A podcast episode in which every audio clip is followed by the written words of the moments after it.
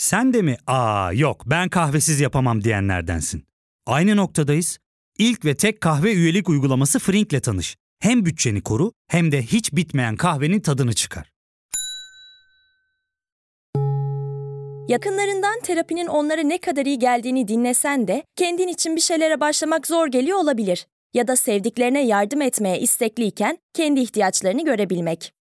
Hayvel, uzman psikologlarıyla kendi ihtiyaçlarını bulmanda sana destek olacak. Terapi yolculuğuna başlamak için detaylı bilgi bölümün açıklamalarında.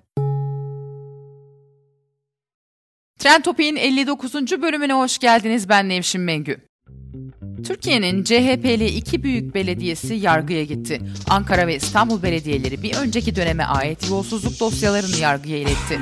O dosyalara belediye başkanlarının ne dediğine ve bütçe görüşmelerinde Kemal Kılıçdaroğlu'nun yaptığı konuşmayla büyük resimde farklı bir şey var mı bakacağız. Masaya çık tepin istersen. Ankara Büyükşehir Belediyesi Başkanı Mansur Yavaş'ın bu sözleri haftanın trendi oldu. Yavaş, Ankara Büyükşehir Belediyesi oturumunda kendisinden önceki dönemde yapılan yolsuzlukları madde madde açıklayacağını söyledi. AK Partili ve MHP'li üyeler buna itiraz etti. Bu itirazlara Mansur Yavaş böyle cevap verdi. Masaya çık tepin istersen. Olayın arka planını verelim Mansur Yavaş şu şekilde açıklıyor. Şimdi bakın arkadaşlar ben okuyorum. Başkan gündeme geçirmeden önce meclise sunulacak konular varsa bildirir. Meclis başkanlarına hitaben verilmiş olan dilekçeleri kabul eder ve meclise sunar diyor. Üyelerin gündem dışı konuşma isteği yazılı olarak başkana bildirilir. Söz verip vermemek ve söz verildiğinde süresini ve zamanını belirlemek yetkisi başkana aittir. Dolayısıyla Veri, bu daha önceki şimdiye kadar kaç tane birleşim yapıldı. Soru önergelerin hepsi meclis başkanlığına gündeme geçmeden önce verildi ve bunlar okundu. Daha sonra gündeme geçildi. Dörtte birden az olduğu için çoğunluğumuz bu şekilde devam edemeyeceğiz. Ben sevgili Ankara halkına şunu söylemek istiyorum. Daha önce faaliyet raporunda aynısı yapıldı. Çoğunluğa dayanarak bütün belediye başkanları dahil normalde saat 4'te başlayan toplantı ertesi gün sabah 6'da 7'de zor bitirildi. Oysa grup başkanları konuştuktan sonra ikişer üye daha söz alıp bunu bitirebilirdi. Yine aynı şekilde bütçe konuşmalarında bütün belediye başkanları zaten bütçe kendi bütçelerinde konuşmuş olmasına rağmen sadece beni konuşturmamak için sordukları sorulara benim cevaplarımı Ankara halkının duymaması için aynen faaliyet raporunda yaptıkları gibi sabah 6'ya kadar sürdürmek istediler. Ben kendilerine mesaj attım. Eğer böyle yaparsanız siz iyi niyetli değilsiniz. Ankara halkının sizin bana sorduğunuz sorulara cevap vermemi duymasını istemiyorsunuz. Bu nedenle kendilerine bütçeyi oyladıktan sonra bugün sunum yapacağımı bildirdim. Tabii toplantıyı sabote etmek, söyledikleri yalanların, iftiraların ortaya çıkmasından korkuyor olabilirler. Şimdiye kadar belediye meclisinde başladığımızdan bugüne kadar soru önergelerinin ve taleplerinin hepsi biz gündeme başlamadan verildi. Şimdi ise gündemin maddeleri konuşulduktan sonra müdahale etmek istediler. Muhtemelen bu toplantının yapılmasını istemiyorlar. Ama hazırladığım sunumun ve verdiğim cevapların Ankara halkının sadece Ankara halkının değil Türkiye'nin duymasını sağlayacağından kimsenin şüphesi olmasın. Burada çoğunluğa dayanarak bir şeyler yapılmak istenebilir. Ama demokrasi böyle bir şey değildir. Herkes kendi yetkisini kullanır. Ben de kanunun ve belediye çalışma yönetmeliğinin bana verdiği yetkileri kullanıyorum. Dolayısıyla sadece ortaya anlaşılmaz bir şeyler koyup bu ne oldu diye soru sorup arkasından da bunun cevabını almadan ortadan kaybolmak. Ertesi günde sabah gece 2'ye 3'e kadar toplantıyı sürdürdükten sonra bizim açıklamamızı bir dahaki meclis toplantısını yapacağımızı söyleyince bu kez de basına Mansur Yavaş cevap veremedi diye konuşmak. Bunlar hiç siyasetin ahlaki şeyler değildir. AK Partili ve MHP'li üyeler Mansur Yavaş açıklamalara başlayınca salonu terk etti. Mansur Yavaş meclis toplantısını kapattıktan sonra bir basın toplantısıyla kendisine bir önceki toplantıda AK Parti Grup Başkan Vekili ve Mamak Belediye Başkanı Murat Köse tarafından yöneltilen eleştirileri cevapladı. Evet soruyu dinleyin. Yani 154. sayfada çok ilginç bir durum var arkadaşlar. heykel yapımı için bir buçuk milyon lira para ayırmışsınız. Heykel yapımı için. 7 milyar bütçede bir buçuk milyonun heykel yapımına ayırmışsınız. Hani bir sanal belediyecilik demiştim ya. İkinci bir terim var aslında heykel belediyeciliği. Evet. Heykel belediyeciliği yapan kimmiş? Şu gördüğünüz Çubuk Barajı'nda yapılmış, atılmış ahşaplardaki fotoğrafları görüp kendi kendilerine bunları bunlarla dalga geçiyorlar. Eskiden olsa bunlar bir defa Çin mal olurdu arkadaşlar. Ve bunlara plastik olurdu. Anormal paralar ödenirdi. Bu güzellikleri yapan kim biliyor musunuz? Bunlara çok para verdiniz diyorlar. Bunlara bir buçuk milyon lira verdiniz. 20 yıldır belediye bünyesinde çalışan bir arkadaşımız. Sanatkar. Aldığı maaştan başka aldığı ilave bir kuruşu yok. Ve başka yerlerden satın almak yerine Ankara halkının rekreasyon alanları bu tür güzellikleri Ankara halkı için yapıyor. Kendileri sık sık Çin'den falan getirdikleri için bizi de öyle zannediyorlar ama Ankara halkının boşa atılacak parası yok. Devam edelim.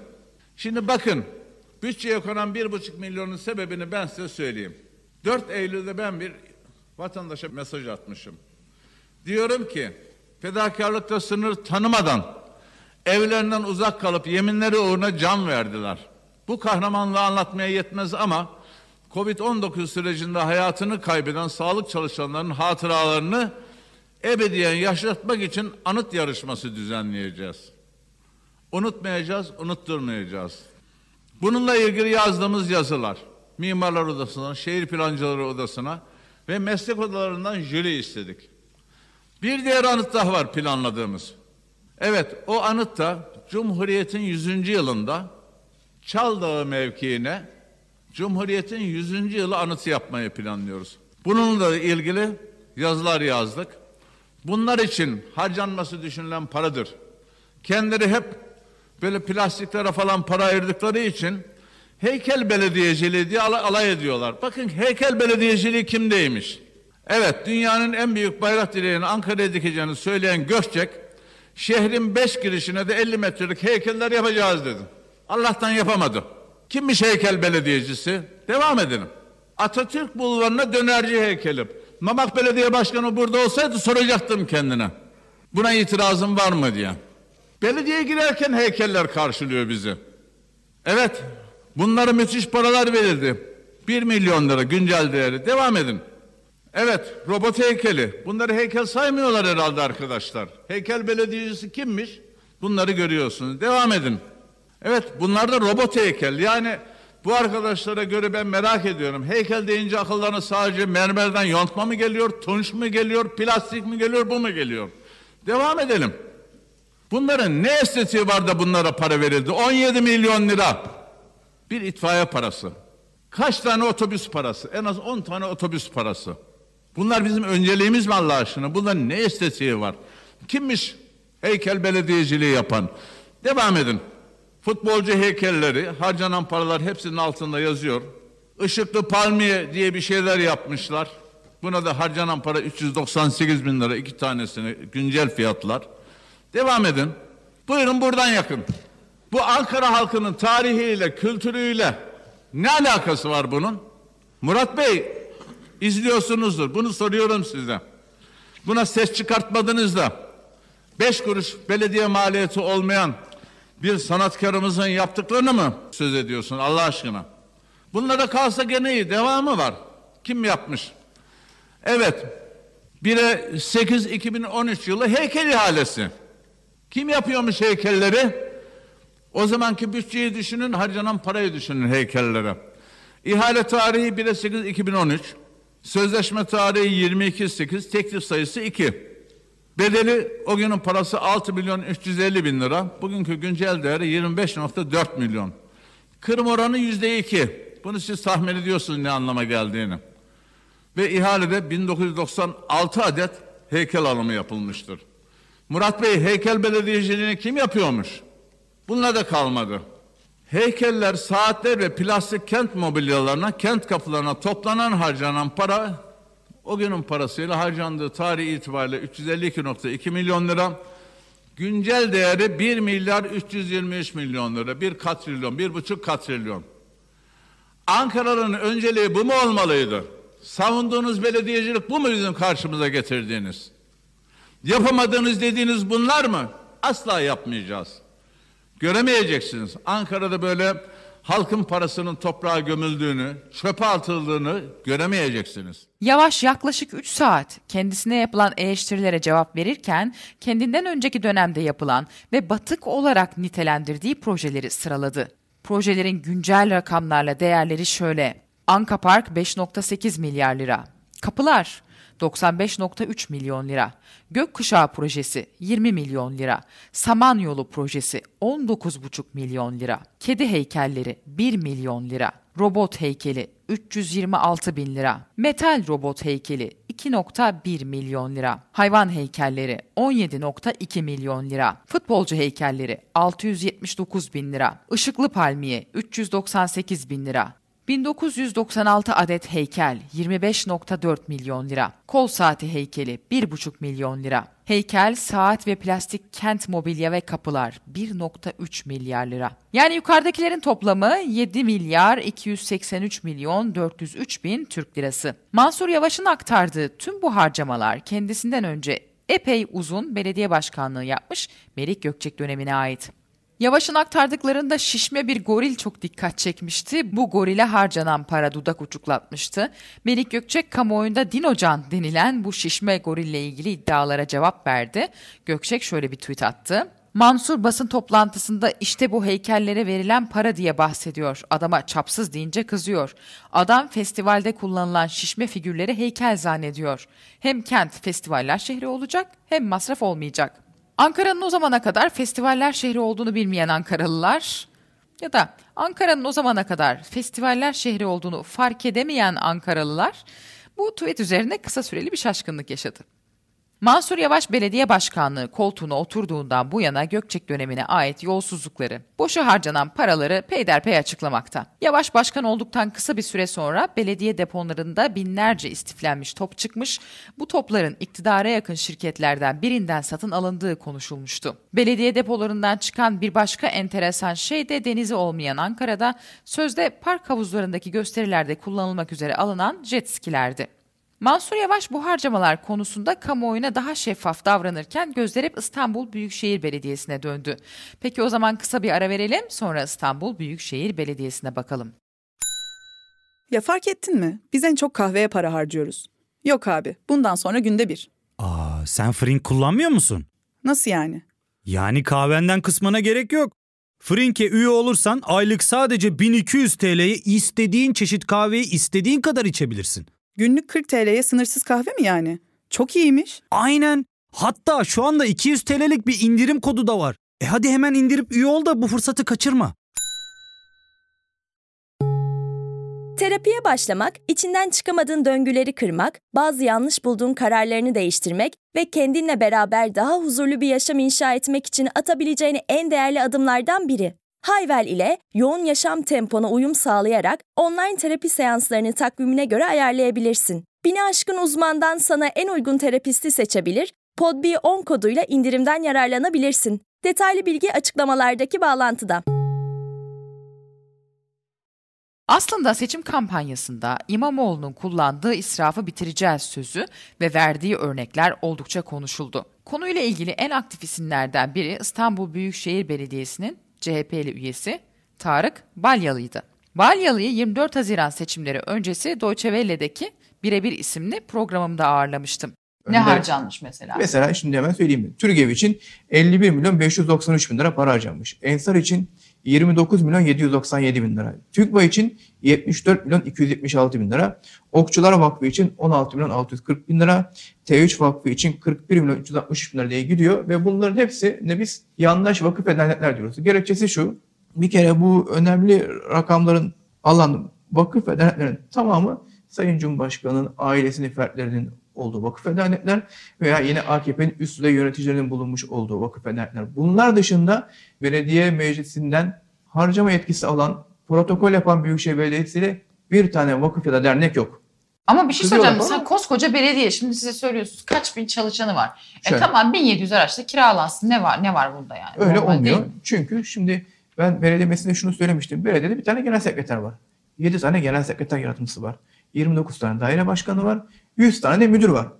Hadi diyelim ki şefleri de üst yönetim olarak değerlendirelim. Gerçi onlar araba verilmez ama veriyorlar diyelim. 400 küsür tane toplamda 643 tane belediyenin üst yönetimi şefler dahil olmak üzere bunların hepsine araba verelim. Bunun dışında Büyükşehir Belediyesi, emniyete, valiye şuraya buraya araba ihtiyacı olacak. Onları gönderiyor. 100 150 tane onlar olsun. Onları da verelim. Bir de tabii günlük ihtiyaçları var. Çalışanlar oraya gidecek, buraya gidecek, iş var, hizmet var, üretilecek, yapılacak Tabii, işler var. tabii, Onları da tabii. 100 150 tane verelim. Oldu 1000 tane. Kaç araba var burada? 1717 tane. Geri kalan 700 tane nerede? Orada, burada, o vakıfta, bu vakıfta, o Vakıflara ilçede, mı verilmiş? o vakıfta, bu vakıfta, dernekte, ilçede, Bu araçların AKP'nin nerede il olduğu başkanlığında, kayıtlı ilçe değil mi? başkanlığında kayıtlı değil tabii. Değil. Bugün itibariyle yine yeni bir duyum aldık. Müdürlüklere elinizdeki kiralık araçları azaltın diye talimat gitmiş. Ee, bunların bir kısmı geri verilecekmiş. Niye? Biz bunları söyledik diye. Biz bunları söyleyince akıllarına geliyor.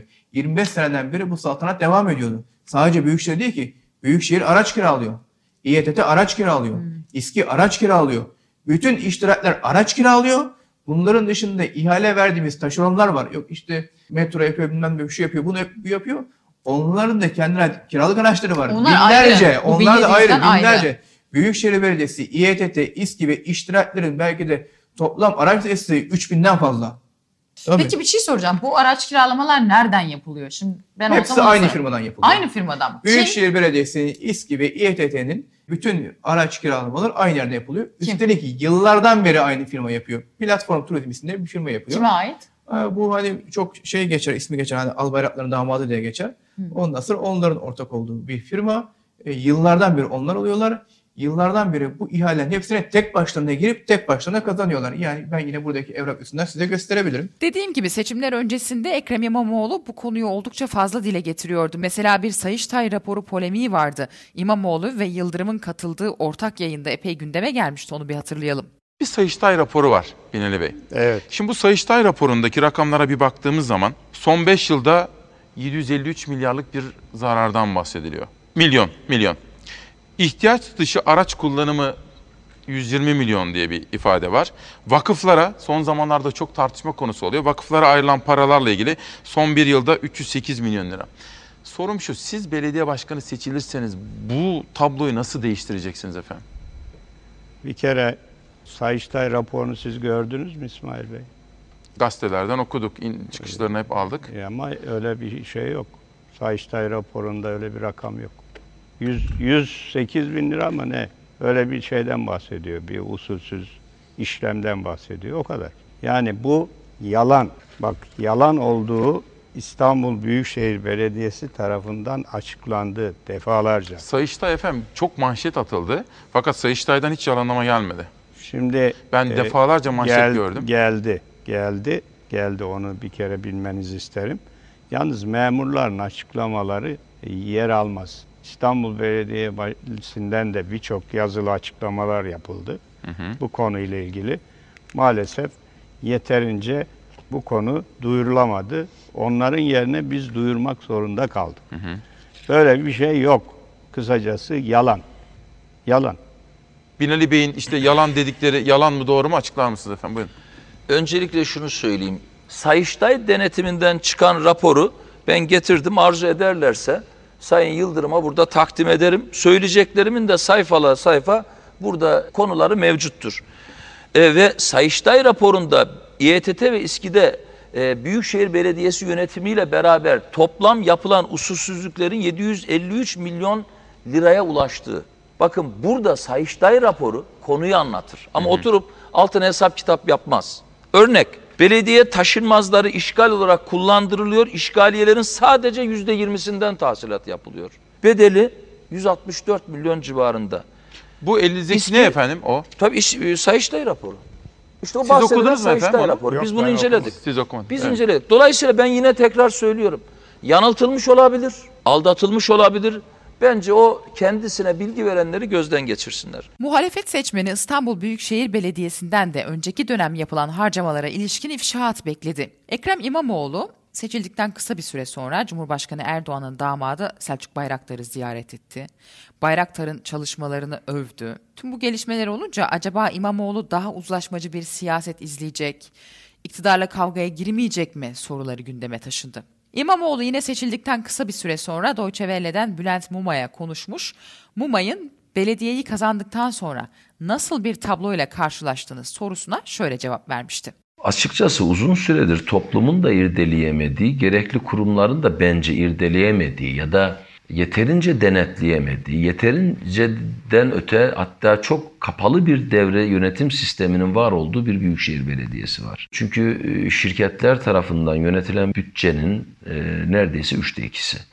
Böyle bir bütçenin yönetildiği ortamda siz e, şirketlerin hele hele Sayıştay tarafından denetlenmediği bir ortamda ister istemez şüpheleriniz çok daha yoğun olabiliyor. Kaldı ki bizi rahatsız eden veriler de elimizde var. Birincisi bu yönüyle şeffaflığı ele alan bir belediye yönetimini devreye sokacağımız için ne yazık ki tespitlerin daha da büyüyeceğini görüyoruz. Bir bu. ikincisi açıkçası mali yönden de e, iyi yönetilmeyen bir büyükşehir belediyesi olduğunu gözlemledik. Özellikle son dört yılı. Yani bu anlamda aranın çok açıldığı, gelir gider dengesinin çok bozulduğu bir dört yıl söz konusu. Ve bugün e, gelinen nokta gerçekten e, Büyükşehir Belediyesi için çok sağlıklı bir nokta değil. Dinlediğiniz gibi İmamoğlu İstanbul Büyükşehir Belediyesi'nde tespit ettikleri usulsüzlük ya da yolsuzluğun kamuoyuyla paylaşılacağını söylemiş. Sadece makul zaman dilimlerinde paylaşacağız. Araştırma ve hukuki teftişlerimiz sürüyor demişti. En son 2 Aralık'ta Halk TV'de Şirin Payzı'nın programına katılan İmamoğlu benzer ifadeleri kullanmaya devam ediyor. 1,5 milyon euroya füze rampası Bugünün haberiydi. Ha, gülüyoruz ama gerçek mi bu? İtfaiye ki. aracı olarak e, yani nasıl modifiye edilmiş Şirin tekrar Hanım, ve İstanbul sokağına giremediği için depoda. Bir buçuk milyon euro doğru mu efendim? Ee, böyle bir tespit var. Cumhuriyet Halk Partisi Grup Başkan Vekili Sayın Doğan Subaşı da bu konuda açıklamasını yaptı. Bu veya benzeri konularda soruşturma süreçlerimiz yoğun olarak devam ediyor. Kaç Şirin dava Hanım, açtınız yolsuzluklarla Hanım, ilgili? Bu dava açma meselesi değil. Bu bir süreç. Hı hı. Soruşturmayı hazırlarsınız. Bununla ilgili istediğimiz anlamda teftiş kurulu yöneticilerini atayabileli daha 2-3 ay oldu. Bu bir süreç. Kadro, kadro tesisi, beraber çalışabileceğiniz mantıkta insanların oraya gelebilmesi süreçleri. Biz bazen bazı bakanlıklardan talep ettiğimiz devlet memurlarını alamadık. İstifa edip gelebildiler. 6 ay istifa edince de 6 ay ona göre veremiyorsunuz. Böyle zorluklar yaşadık. Ama şu anda bu veya benzeri belki 40'a yakın, belki daha fazla süreci devam eden dosyamız var. Şu bizim yani tarzımız aşırı değil. Aşırı harcanmış paralar mı efendim? Yani şu, Bütçe ya bu, hayır, mı? Bu sadece ne? ihale var. Yani geçmişte yapılmış ama şimdi daha uyguna yapılmış iş var. Zimmet var. Kamu zararı var. Yani birçok konu var. İmarla ilgili e, tespit ettiğimiz hususlar var. Kamulaştırma ile ilgili tespit ettiğimiz hususlar var. Şu an dosyaları devam ediyor. Bunlar olgunlaşacak. Belli bir seviyeye gelecek. Yani netleşeceğiz. Ondan sonra suç duyurusu, dava açma gibi hususlar oluştuğunda bunları tek tek kamuoyuyla paylaşacağız. Mahsur... Aşama aşama. Örneğin e, işte bir meclis üyemizin araştırması hem geçmiş dönemde görev yapan Tarık Balyalı'nın araştırmasıyla ortaya çıkan mesela Güvensu şirketinin satın alması var. Soruşturması başladı. Milyonlarca dolarlık yani bırakın TL'yi bir satın alma işlemiyle ilgili suç duyurusu süreci ve soruşturma sürecini başlattık. Yani bunlar zaman içinde olgunlaşabiliyor. Bunun gibi çok dosya var Tabii. diyorsunuz. Yani 2021'de e, bunların çok örneğini göreceğiz. Ama bu hukuk süreci ne kadar sonuç alabiliriz? Şu anki hukuk sistemi bize ne kadar bu anlamda adil bir sonuç verebilir? Elbette kafamızda soru işaretleri var ama bir yandan da gerçekten bu ülkenin hukukçularına, adalet sisteminin yöneticilerine güvenmek istiyoruz, güveniyoruz. Ee, bu anlamda önlerine sağlam delillerle bu süreci koyacağız. Dosyalara gel daha gelecek derken İstanbul Büyükşehir Belediyesi Başkanı Ekrem İmamoğlu AK Parti dönemine ilişkin yolsuzluk dosyalarını açmaya başladı. Yargıya taşınan ilk büyük yolsuzluk dosyası 2018'de İstanbul Büyükşehir Belediyesi'nin kendi şirketi Medya AŞ'ye ihale ettiği tanıtım işleriyle ilgili seçim döneminde yapılan ödemeler oldu. İBB Bilgi İşlem Daire Başkanlığı Bilgi İşlem Müdürlüğü'nce 30 Ekim 2018'de gerçekleştirilen yatırım organizasyonlarının tanıtım ve medya çalışmaları işi ihalesi kapsamında iştirak şirketiyle 26 Kasım 2018'de 26 milyon 585 bin liralık sözleşme imzalandı. İmamoğlu'nun mazbatasını aldığı gün yani 17 Nisan 2019'da Medya AŞ'ye ihale kapsamında ödeme için 13 milyon 629 bin liralık fatura kesilmesi tartışma yaratmıştı. Ne var ki İstanbul Büyükşehir Belediyesi'nin şikayetçi olduğu bu konu yani yapılan bu ihale hakkındaki haberlere medya yasağı getirildi. Gelelim Kemal Kılıçdaroğlu'nun mecliste yaptığı bütçe konuşmasına. Büyük bir çoğunluğunu AK Parti milletvekillerine bakarak yaptığı konuşmasında Kılıçdaroğlu vicdan vurgusu yaptı. Eskişehir Büyükşehir Belediyesi'nin yıllardır devam ettiği aşebi hesabı var. Ya o hesaba biriken paralara bile el koydunuz. Bir Allah'ın kulu, vicdan sahibi bir Allah'ın kulu çıkıp da ya bu yanlıştır demedi mi? Niye demediniz? Niye söylemiyorsun? Ya bu insanlığa aykırı bir şeydir. O aşevinden yıllardır yoksullara, ihtiyaç sahibi ailelere yemek götürülüyor ya. Bu hesaba el koymayın demediniz. Diyemediniz. Bakın niye tek tek bir hükümet kuruldu? Yani bir kişiye bağlı bütün yetkiler bir kişide bağlandı. Her şey çok hızlı olacak diye. Öyle değil mi? Her şey çok hızlı olacaktı. Ya orta vadeli program kanuna göre zamanda yayınlandı mı? Yayınlanmadı. Soruyor musunuz niye yayınlanmadı diye? Kim engel oldu? Orta vadeli mali plan zamanda yayınlandı mı? Kanuna göre zamanda yayınlanmadı. Sordunuz mu niye zamanda yayınlanmadı? Kim engel oldu?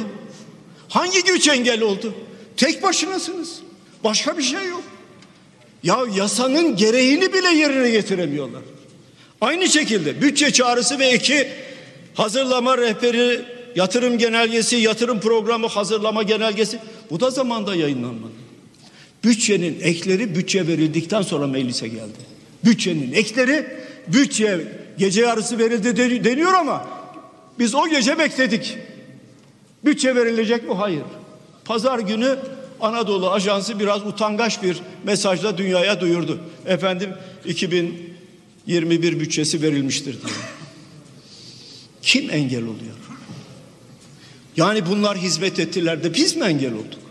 Yani bunlar zamanında yayınlamadılar da biz mi engel olduk? Bunlar zamanında yayınlamadılar diye.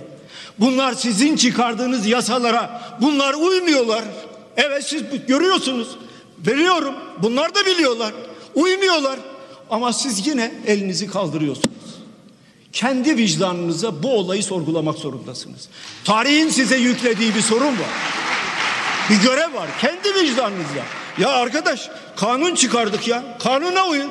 Kanuna uymam diyor. Niçin? Benim diyor mecliste kurşun askerlerim var. Zaten ne dersem onlar ellerini kaldırırlar. Öyle mi? Aynen öyle. Değerli milletvekiller oy verdiniz güzel. İkinci bir bütçe oluşturdular. Türkiye Varlık Fonu. Yani Türkiye'nin varlıklarının bir kısmı orada. Ama sizin bilginiz var mı? Hayır. Siz denetliyor musunuz? Hayır. Milli iradenin tecelligahı olan bu meclis denetliyor mu? Hayır. Niçin? Madem ki varlık orada. Madem Türkiye Varlık Fonu orada. Neden? Nereye gidiyor bu paralar? Değerli arkadaşlar. 177 milyar denetlenmesi lazım. Denetlenecek. Yoksa raporları ben de okuyorum. Denetlenmesi lazım. Türkiye Büyük Millet Meclisi adına bütçe nasıl denetleniyorsa ikinci büyük bütçe bunun da denetlenmesi lazım.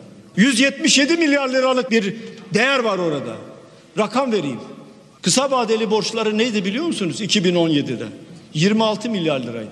2019'da Türkiye Varlık Fonu'nun kısa vadeli borçları ne oldu? 26 milyar liradan 951 milyar liraya çıktı. Hiç vicdanınıza sorguladınız mı ya? Nereye gidiyor bu para? Aldılar bu parayı borçlandılar da nereye gitti bu para? Uzun vadeli borçlar 32 milyar liraydı 271 milyar liraya çıktı. Hiç sorguladınız mı ya? Bu kadar fakir fukara var. Pazar artıklarından beslenen aileler var. Çöp konteynerlerinden beslenen aileler var. Nereye gidiyor bu para? Nereye gidiyor? Nereye gidiyor Allah aşkına? Nereye gidiyor? Akdeniz'de bir gemimizi bastılar. Onlar açıklama yapmasa, Avrupa Birliği'nin yetkilisi açıklama yapmasa gerçeği öğrenemeyeceğiz. Diyorlar ki biz gemide arama yapacağız. Türkiye Cumhuriyeti Devleti izin verir mi? Dört saat geçiyor cevap veren yok. Dört saat. Bunun üzerine Roma Büyükelçisi ya bir saat daha bekleyin diyor. Belki cevap alabiliriz. Beşinci saat geçiyor gene cevap yok. Niye yok? Çünkü kimse Erdoğan'a ulaşamadı. Ya bu ülkenin Dışişleri Bakanı yok mu? Bu ülkenin kaç tane Dışişleri Bakanı var? İbrahim Kalın mı Dışişleri Bakanı? Hulusi Akar mı Dışişleri Bakanı? Yoksa Mevlüt Çavuşoğlu mu Dışişleri Bakanı? Kim Dışişleri Bakanı? Beş saat arkadaşlar. Sonra ertesi gün bizim dışişleri açıklama yapıyor. Efendim sabah böyle oldu. 17.45'te gemiye indiler. Kınadık. Siz de kınadınız. Hepimiz kınadık zaten. Beş saat ne oldu bu Türkiye'de? Beş saat. Ne oldu? Hiç sordunuz mu? Beş saatte ne oldu? Hiç endişeniz olmasın. Arı gibi çalışıyor bütün belediyelerimiz. Arı gibi çalışıyor. Söyledim. Hangi engeli çıkarırlarsa çıkarsınlar asla şikayet etmeyeceksiniz. Asla. Vatandaşlar arasında hiçbir ayrım yapmayacaksınız. Önce sizin ihmal ettiğiniz yoksul mahallelerden başlayacaksınız dedim. Onlara hizmet götüreceksiniz dedim. Engel yok ama halka hizmet sonuna kadar var dedim. Böyle yapıyorlar. Böyle yapıyorlar. Şu Ankara'yı ya Ankara'yı parsel parsel satan diyen siz değil miydiniz? Siz değil miydiniz? Parsel parsel satan adama hesap sordunuz mu? Arkasında duruyorsunuz ya. Ankara'yı parsel parsel satan adamın arkasında duruyorsunuz ya. Nasıl olur ya bu? Nasıl olur bu ya? Hangi ahlak, hangi din, hangi iman ya? Türkiye Cumhuriyeti Devleti Milli Kurtuluş Savaşı'nı veren bir devlettir. Türkiye Cumhuriyeti Devleti'ne rüşvet alan kişinin büyükelçi olarak atanması yakışır mı ya? Yakışır mı ya? İki kişi ya. Ya rüşvet aldığı belli. Rüşvet aldı. Çikolata kutularında. Öbürünün de rüşvet belgesini mahkemedeki dosyadan çıkarıp açıkladım ya. Büyükelçi atadınız ya. Bayrağında arabasında Türk bayrağı taşıyacak bu adam. Benim ağrıma gidiyor ya. Sizin ağrınıza gitmiyor mu ya? Sizin ağrınıza gitmiyor mu ya? Sizin içinizden onu da söyleyeyim. Sizin içinizden son derece değerli insanlar var bakın. Eleştiriyorum ama son derece değerli insanlar var. Türkiye'yi en iyi temsil edecek insanlar var. Ya bu insanlar varken neden rüşvetçiler büyükelçi olarak atanır? Evet iki önemli belediyenin açtığı davalar ve ardından genel başkanın yaptığı konuşmalardan acaba CHP 2021'de bir erken seçim öngörüyor ve onun hazırlıkları mı başlıyor sorusunu soralım ve bölümü noktalayalım. Trend Topi'yi Podbi Medya ile birlikte hazırlıyoruz. Yeni bölümde görüşmek üzere.